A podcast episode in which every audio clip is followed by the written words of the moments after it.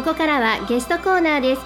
今日はファイナンシャルプランナーであり心理カウンセラーの棚橋久則さんをお迎えしてお話を伺っていきます。こんにちは。よろしくお願いします。はいお願いいたします。はいでは簡単に自己紹介をお願いします。はいえー、私、カイチの方で、えー、ファイナンシャルプランニング事務所をやっております、棚橋と申します、はい、えー、ファイナンシャルプランナーとして、そして心理カウンセラーとして、えー、日夜頑張ってやっております。よろしくお願いいたします。はい、お願いします。はい、もう FM 四日市とはね、もうずいぶんこう、交流がありましてね、ね。はい、えー、番組にも出ていただきましたので、でね、えー、もうおしゃべりの方は慣れた棚橋さんなんですけれどもね、えー、今日も楽しいおしゃべりをね、はい、期待しておりますのでよろしくお願いいたします。よろしくお願いいたします。はい、えー、本来のお仕事はファイナンシャルプランナーということなので、はい、まあ人生設計であり、そ、ね。はい、えー、そんなことをね、ね。えー、お仕事としていらっしゃるんですが、はい、今日はこ私の番組今子育て応援の番組なので、はい、えー、お父さんお母さんに向けて、はい、それからおじいちゃんおばあちゃんに向けて、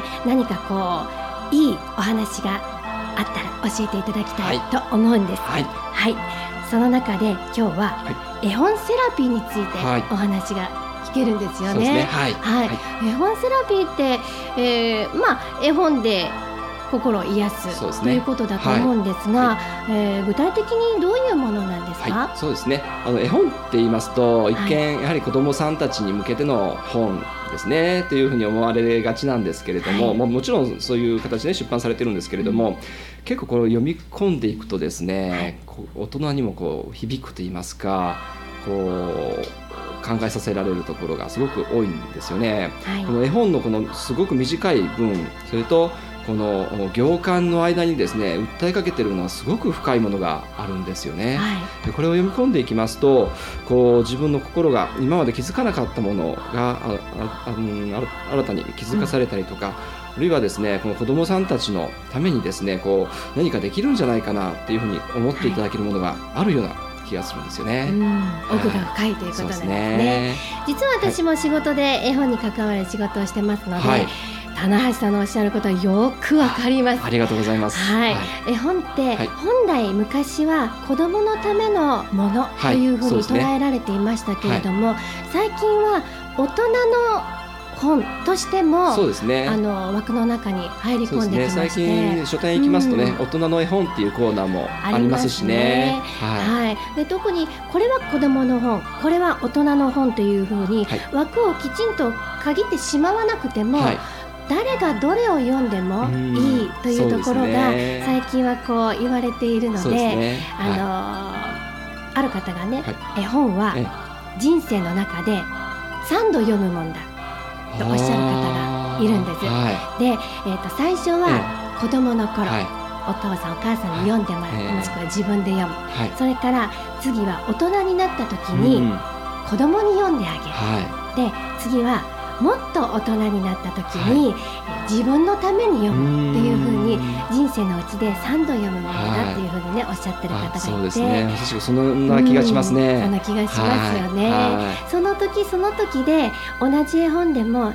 気づきがあったりということがあると思うのでね、ね、奥が深いところなんですけれども、まあその絵本セラピーということが分かりましたが、その絵本セラピーを、えー、習得されるにあたっての、そのどういうところから、はい、そのやってみようかなというふうに思われて、はい、そうですね。あのまあファイナンシねあの先ほど自己紹介でも申し上げました通り、はい、ファイナンシャルプランナーとしてあのお仕事をさせていただいてたんですけれども、はい、まあ、ファイナンシャルプランナーと言いますとね、えー、人生設計であったり、うん、えー、家計の見直し、家計設計であったりとかねそういうご相談をお受けをしてたんですけれども。ふとしたきっかけでですねお話をさせていただいてますと突然こう心に抱えている問題をですねこう打ち明けられたりとか相談されたりとかする方がちょこちょこ見えたんですよね、はい、えー、でも私はファイナンシャルプランナーですからそういう心のケアっていうのは全くしたことはありませんのでどうしていいのかわからない状態で、はい、その方が困っていらっしゃるものに対してこう何もしてあげることができなかったんですよね。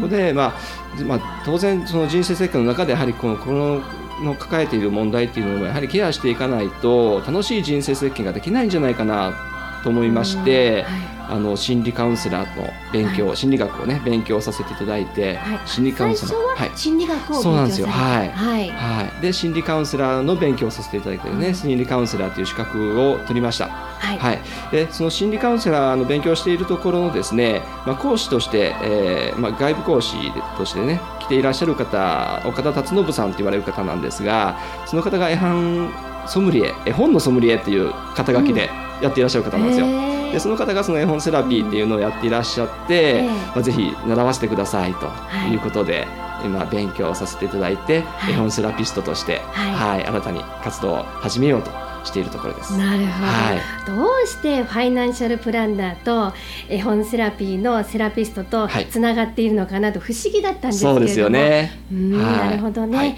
えー、人生設計の中に、はい、えー、やっぱり悩みを抱えている分もちらちらと見え隠れがして、ね。はい、何かお手伝いができないかな、というところから始められたんですね。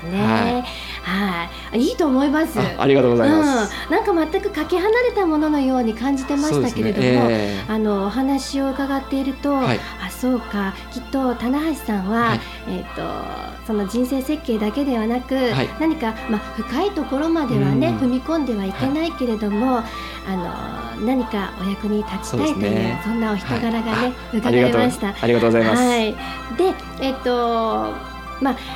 絵本の、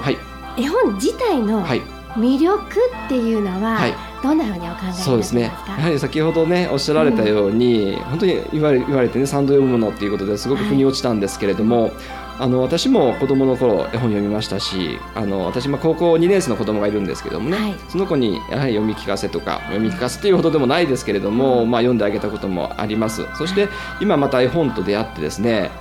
ぱりその時々読んだ時同じ本でもやはり感じることが違ったりとかすごくするんですね。で、はい、これによってこの絵本に、まあ、癒されることもすごくたくさんありますので今こう自分が抱えている問題を癒していくことによってですね、まあ、将来こう楽しい人生が送れることができるねきっかけをつかんでいただければな、はい、こんなふうに思って私今絵本をいろいろ読んだりとかおすすめしたりとかしております。あそうですか、はい。私の仕事は読み聞かせで、はい、えっ、とそこまでなんですね。はい、うん、まあ読んでその時間をお友達なり、えっ、と同じ学年の子どもたちと一緒にその時間を共有する楽しみを味わうとい。うのが読み聞かせ、はい、で、そこから先に踏み込んだところは私の仕事ではないので、そこで終わりなんですが、えー、棚橋さんの場合はそこから後があるわけですよね。あのセラピーですのでね、うん、あのまあもちろん読み聞かせをさせていただきます。私の場合はもう大人の方が対象なんですけれども、特に私はもう子育てをしていらっしゃる方を中心にやっていきたいなというふうに思っているんですが絵本を読ませていただいてでそこで皆さん感じることがたくさんあると思います。であのその